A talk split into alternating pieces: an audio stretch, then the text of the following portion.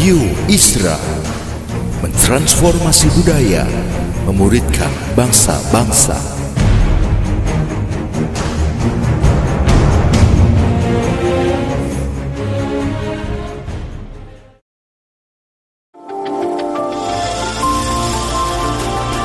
Voice of Pradaim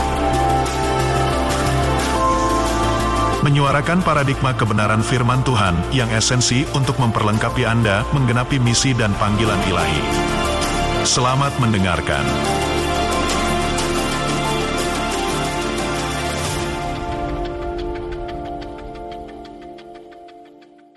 Mari Bapak Ibu, saya akan membawa kebenaran firman Tuhan di kesempatan hari ini dan di mana pun Bapak Ibu berada saat ini di rumah Anda masing-masing, mari siapkan alat tulis, siapkan Alkitab, dan mari fokus beberapa menit ke depan.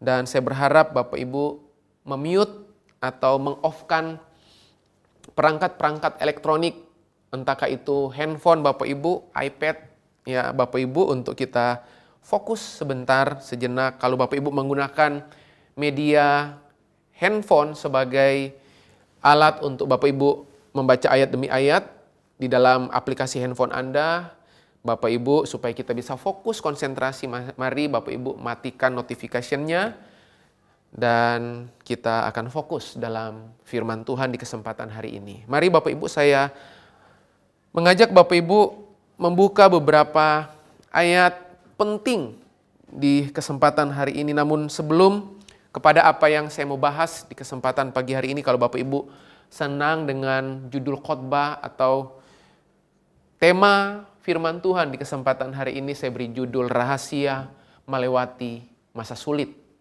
Sekali lagi Bapak Ibu bisa mencatat, mengambil pena, catatan atau mungkin Bapak Ibu mau menuliskannya di handphone Anda, boleh. Rahasia melewati masa sulit.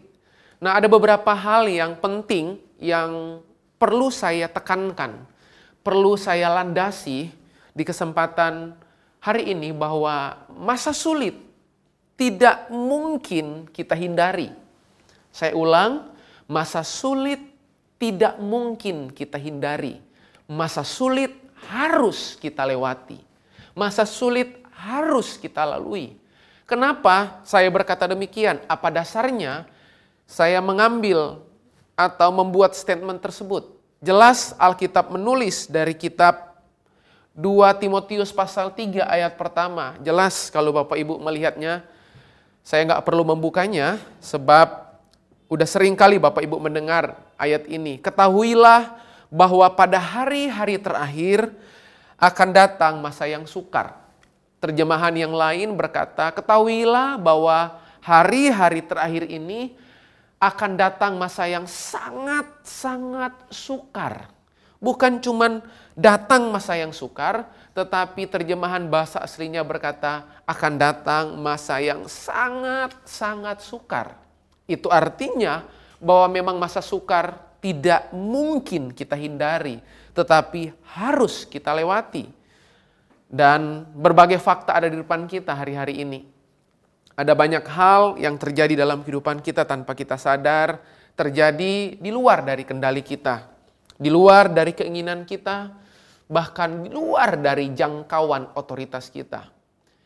Dan apa yang terjadi di waktu-waktu belakangan ini kita udah tahu bersama bahwa pandemi virus dari virus corona yang tidak hanya terjadi di negara kita, tidak hanya terjadi di kota kita, tetapi wabah ini, pandemi ini terjadi di puluhan bahkan ratusan negara.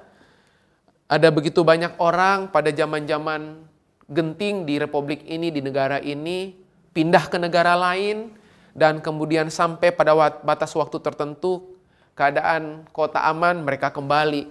Nah di hari-hari belakangan ini kita melihat sebuah fakta yang tidak pernah mungkin ada dalam pikiran kita, tidak mungkin mungkin tidak pernah ada dalam uh, imajinasi kita bahwa di saat-saat ini bahkan kita nggak nggak pernah bisa pergi ke negara mana pun sebab negara yang mana pun hari-hari ini mengalami virus yang sama Bapak Ibu. Dan COVID-19 ini telah menyebar di banyak negara. Nah itu pertanda bahwa memang kita nggak bisa mengendalikan apa pun dan kita nggak bisa mengandalkan keadaan hari-hari ini. Namun percayalah hari-hari ini bahwa kita punya Allah, Allah yang kita sembah adalah Allah yang terus memegang kendali atas hidup kita, atas kota kita dan atas bangsa kita. Dan mari pagi hari ini di kesempatan hari ini saya akan mengajak Bapak Ibu melihat beberapa ayat Alkitab yang akan menuntun Anda untuk menemukan apa rahasia melewati masa sulit. Dan saya berdoa hari ini kebenaran ini menolong kehidupan Bapak Ibu apa pun kondisi situasi yang sementara terjadi. 2 Korintus pasal yang ke-13 ayat kelima. 2 Korintus pasal 13 ayat kelima. Saya bacakan buat Bapak Ibu, kalau Bapak Ibu di rumah bisa melihat ayat ini dan menemukan bersama-sama dengan saya. 2 Korintus 13 ayat kelima firman Tuhan berkata, Ujilah dirimu sendiri, apakah kamu tetap tegak di dalam iman? Saya ulangi, ujilah dirimu sendiri, apakah kamu tetap tegak di dalam iman? Selidikilah dirimu. Apakah kamu tidak yakin akan dirimu? bahwa Kristus Yesus ada di dalam diri kamu. Sekali lagi, bahwa Kristus Yesus ada di dalam diri kamu, sebab jika tidak demikian, kamu tidak tahan uji. Nah, menarik, Bapak Ibu, rupa-rupanya bagi Tuhan, orang yang tidak sadar bahwa Kristus berdiam dalam dirinya akan berujung menjadi orang Kristen yang tidak akan pernah tahan uji. Orang yang tidak pernah menyadari bahwa Kristus ada tinggal menetap permanen di dalam dirinya. Alkitab bilang jelas orang tersebut pasti akan ngalamin goncangan. Nah Bapak Ibu yang dikasih Tuhan hari ini yang pertama yang saya dan firman Tuhan tunjukkan kepada kita hari ini bahwa mari yang pertama adalah miliki sebuah kesadaran, sebuah pengertian, kesadaran bahwa Kristus berdiam di dalam saya, bahwa Dia bukan Tuhan yang ada di luar saya, Dia bukan Tuhan yang ada di sekitar saya, Dia bukan Tuhan yang ada bersama dengan saya, dia bukan Tuhan yang ada di lingkaran kehidupan saya, tetapi dia Tuhan yang telah berdiam di dalam saya. Kesadaran ini penting Bapak Ibu. Kenapa penting? Sebab orang yang sadar bahwa Yesus di dalam dia, ini yang terjadi. Cara dia memandang setiap kejadian akan berbeda. Cara dia memandang setiap kehidupan yang terjadi akan berbeda Cara dia mengambil keputusan akan berbeda. Bahkan tahukah Bapak Ibu, ini faktanya. Orang yang sadar bahwa Kristus berdiam di dalam dirinya, imannya bangkit. Dan iman yang bangkit tidak dipengaruhi, tidak dikendalikan, tidak ditentukan oleh keadaan yang terjadi. Iman kita bangkit, iman yang sejati itu tidak ditentukan oleh apa yang terjadi di luar kita. Tapi iman yang sesungguhnya justru bangkit karena sadar bahwa Kristus telah berdiam di dalam kita. Apa sih tanda utama orang yang sadar Kristus telah berdiam di dalam dirinya? Sederhana Bapak Ibu. Yang tadi saya udah ucapkan, imannya bangkit, imannya teraktivasi sempurna Bapak Ibu. Apa yang dia lihat memang fakta, tetapi percayalah iman melompati fakta, iman melampaui kenyataan. Dan percayalah, apa yang terjadi hari-hari ini pasti akan berlalu. Amin, Bapak Ibu. Apa yang terjadi hari-hari ini pasti ada akhirnya. Sebab segala sesuatu akan mendatangkan kebaikan buat kehidupan kita. Jadi harusnya melalui ayat ini, kalau kita membacanya, harusnya kita perlu membangun keyakinan kita. Bukan kemudian mempertanyakan Tuhan lagi ada di mana Harusnya dari ayat ini kita diberitahu bahwa bangunlah keyakinanmu. Anda harus sadar, Anda harus yakin bahwa Kristus telah berdiam di dalam saya. Bahkan berkali-kali Alkitab bilang, tinggal di dalam aku dan aku di dalam kamu. Sebab di luar itu kamu tidak dapat berbuat apa pun. Hari ini Bapak Ibu, mari miliki kesadaran penuh. Saya mau kuatkan Bapak Ibu. Saya kepingin Bapak Ibu sadar sesadar-sadarnya hari ini. Bahwa Kristus itu telah berdiam di dalam Anda. Sekali lagi dia bukan di luar Anda, dia di dalam Anda menyertai Anda, bersama-sama dengan Anda. Dan percayalah, kalau dia di dalam Anda, Anda akan melewati banyak hal dengan sebuah keyakinan dan kekuatan yang sempurna yang datang dari Tuhan. Selain 2 Korintus 13 ayat kelima Bapak Ibu, mari saya tunjukkan beberapa ayat yang lain Bapak Ibu sebelum kita masuk pada poin-poin yang lain Bapak Ibu. 1 Korintus 3 ayat 16. 1 Korintus 3 ayat 16 firman Tuhan berkata dari 1 Korintus 3 ayat 16, "Tidak tahukah kamu bahwa kamu adalah bait Allah dan bahwa roh Allah diam di dalam kamu?" Sekali lagi, bahwa roh Allah diam di dalam kamu. Sekali lagi Bapak Ibu, ada begitu banyak ayat kalau Bapak Ibu bisa lihat, Bapak Ibu bisa cari Alkitab Anda masing-masing bahwa Tuhan itu ada di dalam saya. Tuhan itu berdiam di dalam saya. Jadi diamnya Tuhan di dalam kita harusnya itu mematahkan kekhawatiran kita. Diamnya Tuhan di dalam kita harusnya menghancurkan kekhawatiran dan ketakutan kita. Itu sebabnya dia berkata dia Allah Immanuel. Allah yang menyertai kehidupan kita sampai kapan pun. Keadaan mungkin tidak akan pernah bisa menolong Anda. Bahkan percayalah, kondisi yang terjadi hari ini membuat banyak orang punya respon yang beragam, Bapak Ibu. Tapi kalau Bapak Ibu sadar bahwa Kristus di dalam Anda, Kristuslah pegang kendali dalam kehidupan Anda. Anda punya otoritas dan otoritas Anda tidak ditentukan situasi. Otoritas Anda tidak ditentukan oleh keadaan. Otoritas Anda tidak ditentukan oleh peristiwa. Otoritas Anda tidak ditentukan oleh situasi atau perasaan Anda tetapi otoritas Anda ditentukan karena status Anda di hadapan Tuhan bahwa Anda adalah anak Allah. Anda umat yang ditebus. Anda umat yang dikasihi Tuhan. Jadi yang pertama Bapak Ibu, mari hal yang pertama rahasia melewati masa sulit yang pertama sadar bahwa Kristus ada di dalam saya.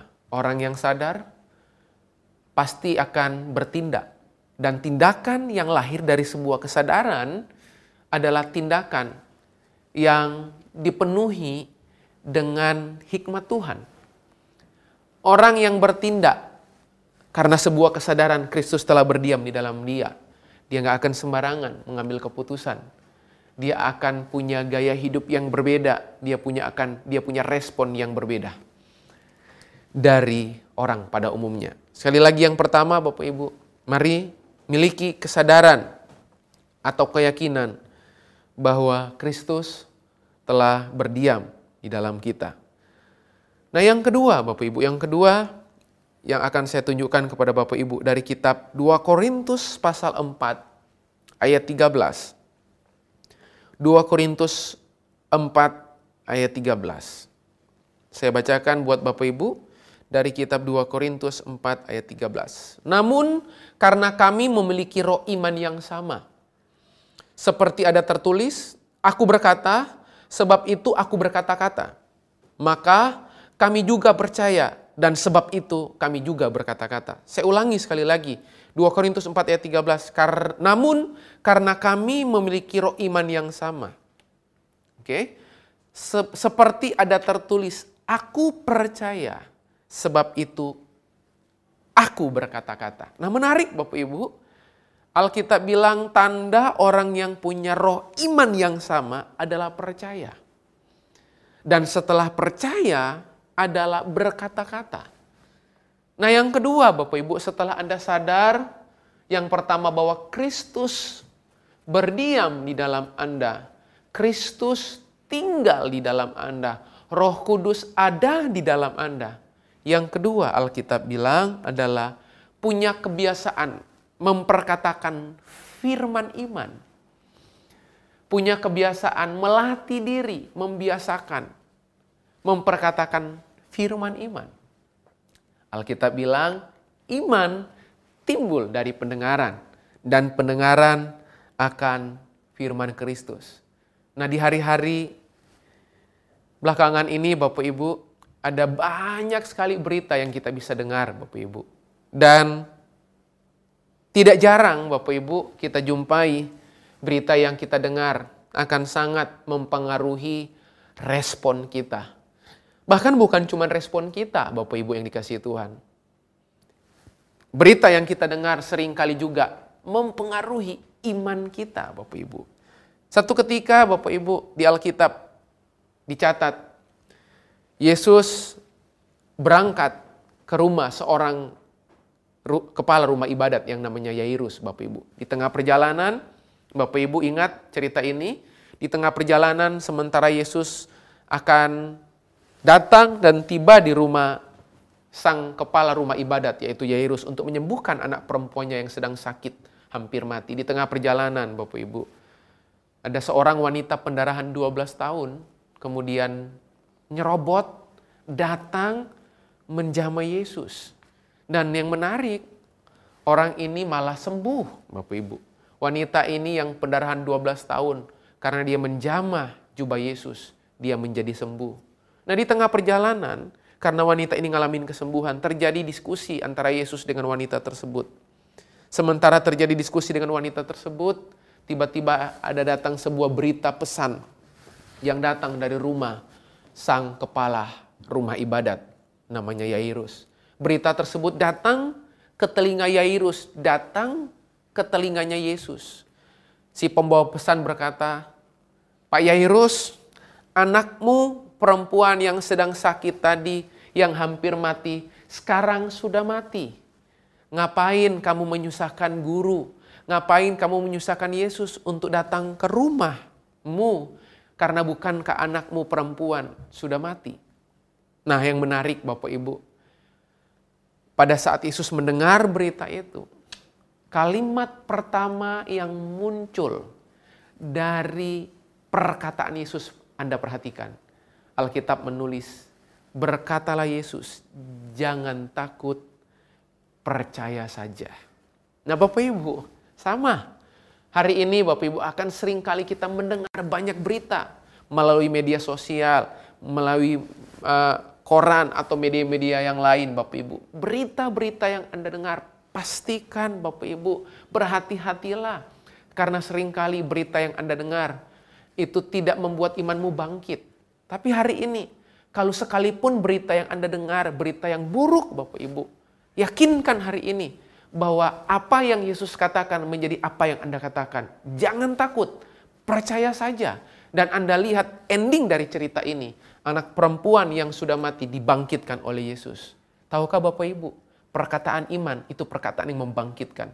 Perkataan iman itu mengaktifasi seluruh panca indera Anda untuk bertindak berdasarkan apa yang Anda ucapkan, bertindak berdasarkan apa yang Anda imani, bertindak berdasarkan apa yang Anda yakini.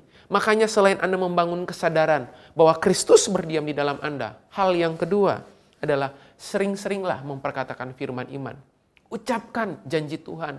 Ucapkan kata-kata iman, perkataan-perkataan iman atas kotamu, atas bangsamu, atas keluargamu, atas orang-orang di sekitarmu. Jangan mundur Bapak Ibu. Dan ayat yang lain Bapak Ibu.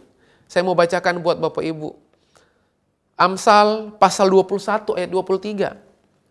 Amsal 21 ayat 23, siapa memelihara mulut dan lidahnya, memelihara diri daripada kesukaran. Jadi rupa-rupanya Bapak Ibu kitab Amsal berkata, kesukaran itu datang dari orang yang memelihara mulutnya atau tidak memelihara mulutnya.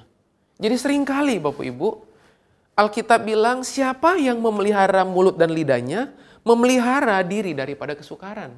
Tanpa kita sadar Bapak Ibu, kita itu suka mengundang kesukaran datang. Tanpa diundang bahkan, kita mengundang dengan cara apa? kita memperkatakan hal-hal yang melumpuhkan iman kita. Kita memperkatakan hal-hal yang justru tidak membangun Alkitab bilang siapa yang suka memperkatakannya, di kitab yang lain, di kitab Amsal yang lain berkata, akan memakan buahnya. Jadi apa yang akan Anda nikmati, apa yang Anda akan tuai itu berdasarkan apa yang Anda sering kali ucapkan. Sekali lagi hari hari ini Bapak Ibu, saya mau kembali mengingatkan yang kedua Bapak Ibu. Mari mengucapkan, perkatakan firman iman. Dalam kesarian Anda Bapak Ibu di tengah-tengah keluarga, waktu Anda makan bersama, mari ucapkan firman iman. Waktu Anda mau tidur, saat teduh Bapak Ibu berdoa, bersekutu dengan mesbah keluarga Bapak Ibu, mari ucapkan kata-kata iman. Perdengarkan itu di tengah-tengah lingkungan keluargamu. Sampai suamimu mendengar, anakmu mendengar, istrimu mendengar, orang-orang di dalam rumahmu mendengar. Sebab iman Alkitab bilang akan bangkit justru dari kita mendengarkan firman. Mari cintai firman Bapak Ibu. Sebab apa yang Anda cintai, itu pasti Anda akan lakukan dengan baik. Mari satu ayat yang lain Bapak Ibu yang akan saya tunjukkan kepada Bapak Ibu. Sebelum saya masuk poin yang berikutnya. Dua Raja-Raja pasal yang ke-6 ayat 15 sampai yang ke-17. Dua Raja-Raja pasal yang ke-6 ayat 15 sampai 17 sebuah kisah yang menarik Bapak Ibu dari Elisa dan bujangnya.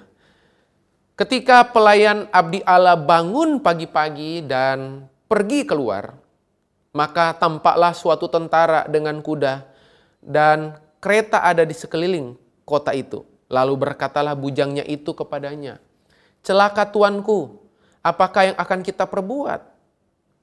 Sekali lagi Bapak Ibu bujangnya berkata, celaka tuanku, apa yang mesti kita lakukan? Apa yang mesti kita buat? Kenapa celaka dan kenapa bingung dengan apa yang kita perbuat? Sederhana, karena apa yang dia lihat, apa yang nampak di depan matanya. Alkitab bilang, suatu tentara dengan kuda dan kereta ada di sekeliling kota. Bujangnya menjadi takut berdasarkan apa yang dia lihat. Namun perhatikan apa kata Elisa. Jawabnya, jangan takut sebab lebih banyak yang menyertai kita daripada yang menyertai mereka. Menarik Bapak Ibu, jangan takut. Lagi-lagi jangan takut. Sebab lebih banyak yang menyertai kita daripada yang menyertai mereka. Lalu berdoalah Elisa Ya Tuhan, bukalah kiranya matanya supaya ia melihat. Maka Tuhan membuka mata bujang itu sehingga ia melihat tampaklah gunung itu penuh dengan kuda dan kereta berapi sekeliling Elisa. Ada dua respon yang berbeda dalam kisah ini. Mereka melihat dan menghadapi realita yang sama. Di depan mata si bujang maupun mata Elisa, mereka melihat realita yang sama bahwa datang sekelompok atau segerombolan tentara yang disertai dengan kereta kuda. Respon yang dimunculkan oleh bujangnya Elisa, kita bakal mati. Elisa, kita bakal susah. Elisa, kita bakal celaka. Tapi menarik Bapak Ibu yang dikasih Tuhan. Elisa justru berkata, Jangan takut, sebab yang menyertai kita jauh lebih banyak. Melihat realita yang sama, Bapak Ibu. Seringkali Bapak Ibu, kita sama-sama melihat, tapi tidak melihat hal yang sama. Saya ulang Bapak Ibu, kita sering kali sama-sama melihat, tapi tidak melihat hal yang sama. Si Bujang dan si Elisa sama-sama melihat, tapi tidak melihat hal yang sama. Si bujang melihat realita. Si bujang melihat fakta yang nampak oleh mata. Sementara Elisa bisa melihat hal-hal yang di luar dari apa yang terlihat oleh mata jasmani. Hari ini percayalah, mari miliki mata iman. Alkitab bilang, mata itu pelita tubuh. Kalau matamu terang, teranglah seluruh tubuh. Jadi perhatikan dengan baik-baik, miliki mata iman Perkatakan firman iman setiap hari, setiap waktu. Dan Anda akan menerima apa yang Anda ucapkan. Anda akan menerima apa yang Anda imani di dalam Kristus. Yakinlah bahwa firman iman punya kuasa mengubah keadaan. Firman iman mengubah situasi yang terjadi. Yang kedua sekali lagi Bapak Ibu. Mari memperkatakan firman iman di dalam kehidupan Bapak Ibu. Yang ketiga Bapak Ibu. Saya bacakan sekali lagi buat Bapak Ibu ratapan pasal 3 ayat yang ke-26. Adalah baik menanti dengan diam pertolongan Tuhan. Saya ulang Bapak Ibu, adalah baik menanti dengan diam pertolongan Tuhan. Dalam terjemahan firman Allah yang hidup dari kitab dan ayat yang sama, pasal yang sama ratapan 326, sungguh baik untuk berharap dan menantikan dengan tenang keselamatan yang dari Tuhan. Membaca ratapan 326, coba Bapak Ibu lihat, Bapak Ibu yang berada di rumah, mari perhatikan ayat 26 dari ratapan, ratapan pasal 3. Kira-kira penggalan kata yang mana dari ayat ini yang paling Bapak Ibu nantikan di waktu-waktu ini? Yang paling Bapak Ibu rindukan terjadi di waktu-waktu saat ini? Saya yakin Bapak Ibu, kalau Bapak Ibu sudah melihat dan membacanya dengan teliti, kata pertolongan Tuhan atau kata pertolongan adalah kata yang paling kita nantikan, paling kita harapkan di situasi kondisi saat ini. Tapi tahukah Bapak Ibu, sebaliknya saya tanya, kata apa atau penggalan kalimat mana dari ayat ini yang paling kita nggak sukai? Kalau pertolongan adalah kala, kata atau penggalan, penggalan kalimat yang paling kita harapkan Bapak Ibu. Coba, di ayat yang sama penggalan kalimat yang mana yang paling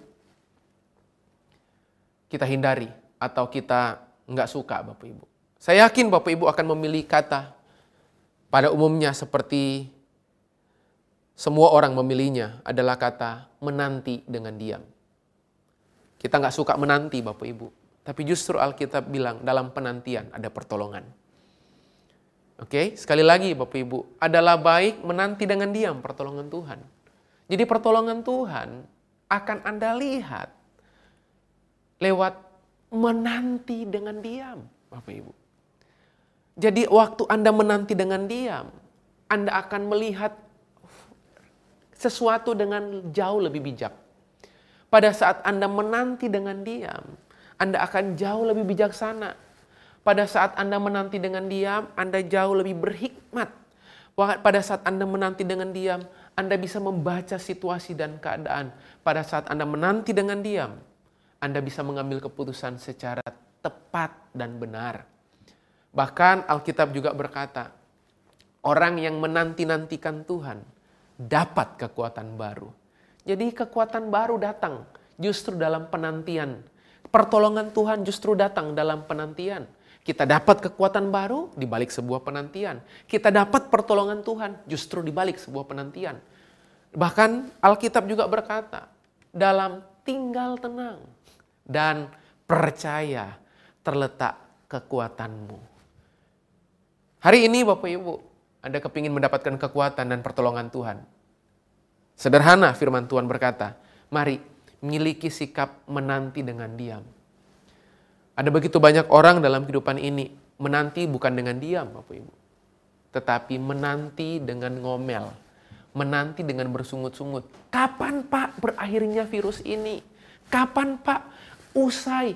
Bisnis saya hancur. Pelayanan saya berantakan. Schedule saya kacau balau. Pak, Bu, daripada kita sibuk ngomel, daripada kita sibuk komplain keadaan. Nggak ada pilihan hari-hari ini. Bahkan percayalah, Tuhan akan mendesak Anda sampai Anda hanya memilih Tuhan sebagai satu-satunya penjamin hidup Anda. Tuhan akan mendesak segala sesuatu sampai tinggal tersisa hanya Tuhan satu-satunya sumber kekuatan Anda. Makanya Bapak Ibu, mari menanti dengan diam. Di waktu-waktu ini perbanyak disiplin rohani Anda. Perkuat spiritualitas Anda.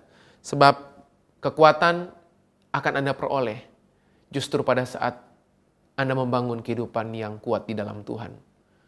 Menanti dengan diam, belajar untuk menanti-nantikan Tuhan. Yang pertama sekali lagi, saya ulangi, rahasia melewati masa sulit. Yang pertama Bapak Ibu adalah Anda punya kebiasaan dan sadar, punya keyakinan bahwa Kristus berdiam dalam saya. Yang kedua, Bapak Ibu, Anda sering memperkatakan firman iman. Aku percaya, makanya aku berkata-kata. Iman itu berarti believing and speaking. Yang ketiga, Bapak Ibu, menanti dengan diam pertolongan Tuhan. Satu ayat lagi Bapak Ibu, saya mau tunjukkan kepada Bapak Ibu. Satu ayat lagi Bapak Ibu. Masih poin yang ketiga Bapak Ibu. Mazmur 62, kitab Mazmur pasal 62 ayat pertama. Mazmur 62 ayat pertama. Hanya dekat Allah saja aku tenang. Daripadanya lah keselamatanku. Sekali lagi, hanya dekat Allah saja aku tenang. Daripadanya lah keselamatanku. Wow, menarik Bapak Ibu. Rupa-rupanya kedekatan Anda akan sangat menentukan ketenangan Anda. Saya ulang Bapak Ibu, dari Mazmur pasal 62, Daud berkata, hanya dekat Allah saja aku tenang. Jadi rupa-rupanya sumber ketenangan Anda bukan pada kondisi. Sumber ketenangan Anda bukan pada situasi. Sumber ketenangan Anda bukan pada peristiwa. Sumber ketenangan Anda bukan pada perasaan. Sumber ketenangan Anda bukan pada lingkungan. Bukan Sumber ketenangan Anda bukan pada fakta, bukan bahkan. Sumber ketenangan Anda pada kedekatan Anda dengan Tuhan. Ketenanganmu menentukan kedekatanmu. Kedekatanmu menentukan ketenanganmu. Jadi makin Anda dekat, Anda makin tenang harusnya. Dekat dengan siapa? Bukan dekat dengan keadaan yang berubah, bukan Dekat dengan apa? Bukan kedak, bukan dekat dengan situasi, oh makin membaik. Bukan. Tapi Anda dekat. Anda tenang karena Anda dekat dengan Tuhan. Kedekatanmu sekali lagi menentukan ketenanganmu. Dekatmu menentukan tenangmu. Hari-hari ini seberapa dekat engkau dengan Tuhan. Hari-hari ini jangan pernah Anda tenang karena situasi. Percayalah, semua akan digoncang sampai yang tidak tergoncangkan yang akan tetap tinggal untuk selama-lamanya yaitu Allah dan kerajaan dan kebenarannya. Itu sebabnya sekali lagi Bapak Ibu, saya mau ingatkan kepada kita sekalian hari ini. Kedekatan kita akan menentukan ketenangan kita. Kapan Anda nggak tenang? Bisa jadi itu pertanda Anda kehilangan kesadaran bahwa Kristus berdiam di dalam Anda. Kapan Anda mulai nggak tenang? Bisa jadi anda udah nggak pernah memperkatakan firman iman. Kapan Anda mulai nggak tenang di masa sulit? Bisa jadi karena Anda sudah tidak menanti dengan diam pertolongan Tuhan. Kapan Anda mulai nggak tenang dalam kehidupan Anda? Bisa jadi karena Anda mulai lepas, disconnected atau diskoneksi dengan sang sumber ketenangan itu sendiri, yaitu Allah. Saya berdoa Bapak Ibu, di kesempatan hari ini, mari bangun empat kunci yang tadi saya sampaikan Bapak Ibu. Kunci yang pertama sekali lagi, sadar bahwa Kristus di dalam saya. Kalau dia di dalam saya, makanya saya nggak perlu khawatir dengan apa pun juga. Kesadaran ini menyelamatkan saya. Kesadaran ini memberikan saya pengharapan. Karena dia permanen di dalam saya. Yang kedua, dalam seluruh tindak tanduk aktivitas kesarian Anda, mari perkatakan firman iman. Ucapkan firman, baca, renungkan, perkatakan kebenaran. Sebab apa yang Anda perkatakan punya kuasa untuk mengubah banyak hal. Oke, okay? hidup dan mati dikuasai oleh lidah Anda. Siapa yang suka menggemakannya akan memakan buahnya. Kalau yang Anda gemakan berulang-ulang adalah kebenaran firman, maka kebenaran firman yang Anda ucapkan itu akan membuat semua terjadi seperti yang Anda ucapkan. Perkatakan firman iman. Yang ketiga, Bapak Ibu, mari belajar menanti dengan diam. Jangan bersungut-sungut Bapak Ibu. Jangan komplain Bapak Ibu. Dan saya masih teringat Bapak Ibu. Anda pasti tahu bagaimana bangsa Israel dituntun oleh Tuhan melalui Musa. Melihat tiang awan dan tiang api. Persoalan bangsa Israel bukan karena Tuhan gak mau tolong mereka. Okay? Persoalan bangsa Israel bukan karena Tuhan gak sanggup tolong mereka, bukan. Tuhan selalu sanggup dan siap nolong mereka. Tapi pertanyaannya, kenapa mereka nggak bisa menikmati dan masuk tanah perjanjian? Bukan karena Tuhan nggak siap tolong mereka, bukan karena Tuhan nggak mau tolong mereka, tapi persoalannya adalah karena mereka tidak mau dipimpin sama Tuhan. Hari ini sederhana Bapak Ibu. Orang yang menanti dengan diam pertolongan Tuhan punya kebiasaan dipimpin sama Tuhan. Mengalami pimpinan Tuhan dengan cara mengikuti apa yang Tuhan mau, apa yang firman Tuhan katakan. Dan yang terakhir, kedekatan menentukan ketenangan.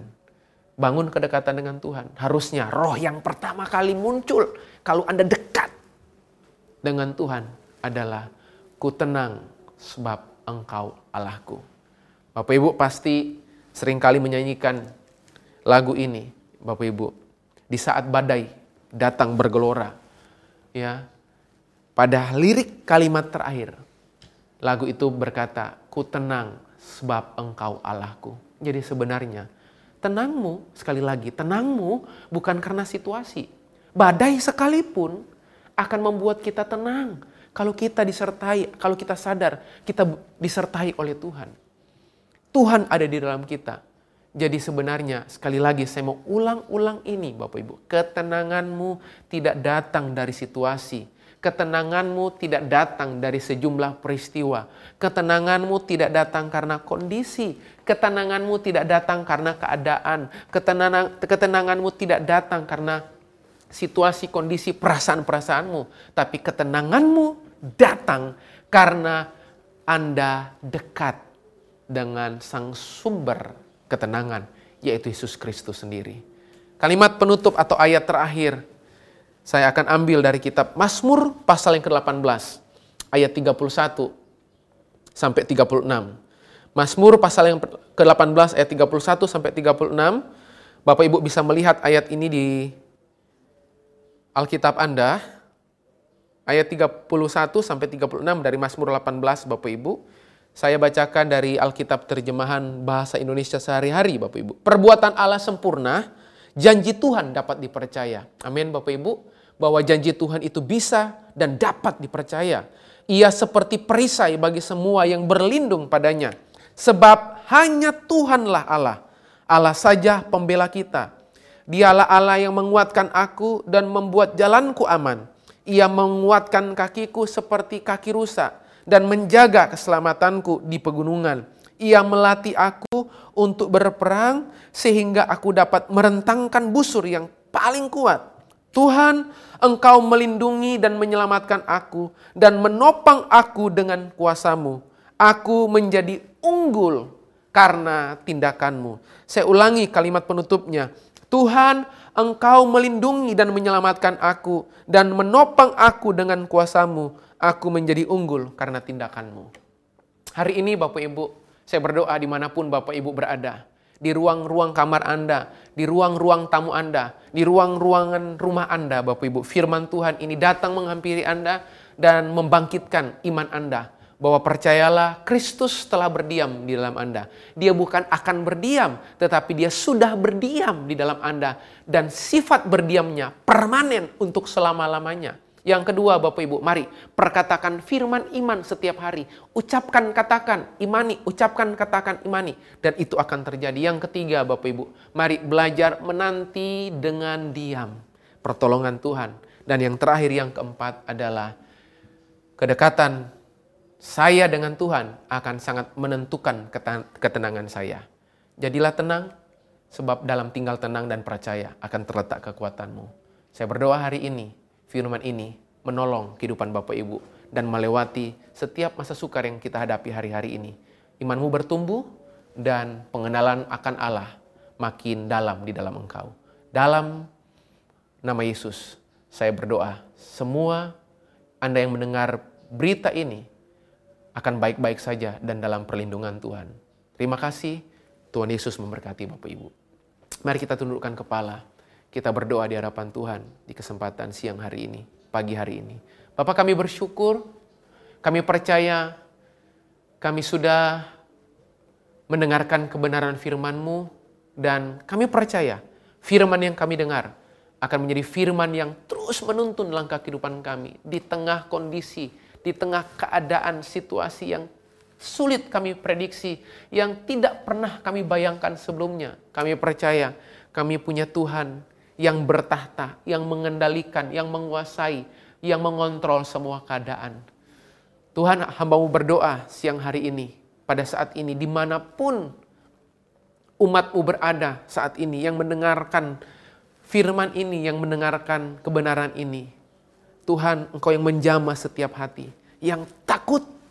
Kami percaya iman kami bangkit hari ini. Yang putus asa, hari ini kami menemukan jalan keluar. Yang sulit, kami percaya kami melihat harapan baru di hari ini. Dan kami percaya pertolongan Tuhan akan selalu tepat pada waktunya. Tuhan tidak pernah meninggalkan kami. Tuhan selalu menyertai kehidupan kami di mana pun kami pergi dan berada. Buat Bapak Ibu yang hari ini, keadaanmu tidak lagi baik-baik.